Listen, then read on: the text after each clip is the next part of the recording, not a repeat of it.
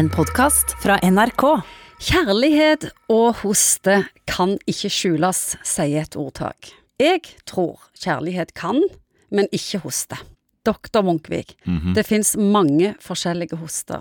Eller årsaker til at vi hoster. Vi har tørrhoste, slimhoste, røykhoste, langvarige hoste, falskrupp, kikhoste. Fins det andre typer hoste? Hinthoste. Hva det er det?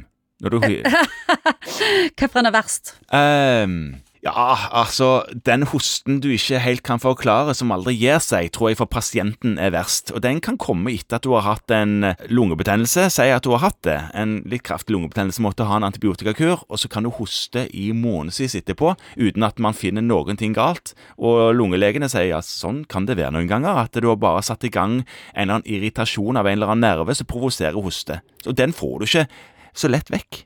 Når jeg har spurt folk i redaksjonen rundt forbi, så har jeg fått et klokkeklart svar på at de som har hatt kikhoste, de sier at det er det verste. Nei, Det kan nok eh, stemme. Det er jo en grunn til at en vaksinerer for kikhoste, eller mot kikhoste. Hvordan er det? Nei, det er, Kiking er jo at du Den, det, den lyden imellom hostingen, det er kiking. Og det, du, du får liksom ikke Luft. tid til å puste Ja. imellom hosteriene, og det er nok gale, ja. Hvorfor er det alltid verre med hosting når vi legger oss flatt?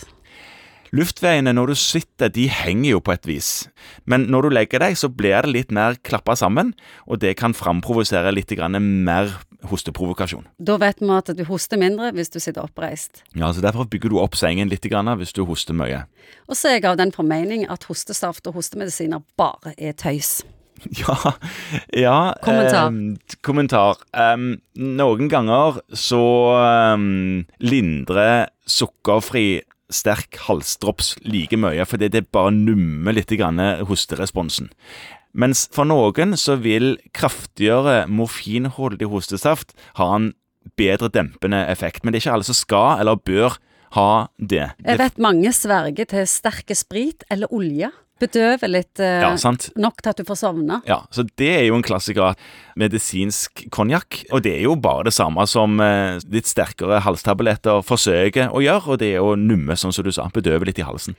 Hva syns du nå om norsk hostekultur? Ja, nå virker det som folk endelig har skjønt hva, hva, som, hva som egentlig har vært poenget hele veien. Nå med covid-situasjonen så har folk begynt å hoste i albuehulen. Veldig mye flinkere med håndhygiene uansett. Man har jo aldri vært så friske for infeksjonssykdommer som man har vært i denne perioden hvor man har hatt covid-sanksjoner. Hva hoste skal en komme til legen med? Alle hoster fra tid til annen, og det å springe til legen med en gang en har hosta et par dager, det er ikke nødvendig, for det får ikke noe sånn veldig gode svar utover det du klarer å tenke deg til sjøl. Men har du hoste som varer over tid, som du ikke kan forklare, da, Ja. har du feber, har du ting du hoster opp som du syns så skummelt ut, eller hadde blod i seg, den typen ting, da kan du eh, snakke med legen din og høre om det kan være noe de kan sjekke ut litt nøyere. Du har hørt en podkast fra NRK. Hør flere podkaster og din NRK-kanal i appen NRK Radio.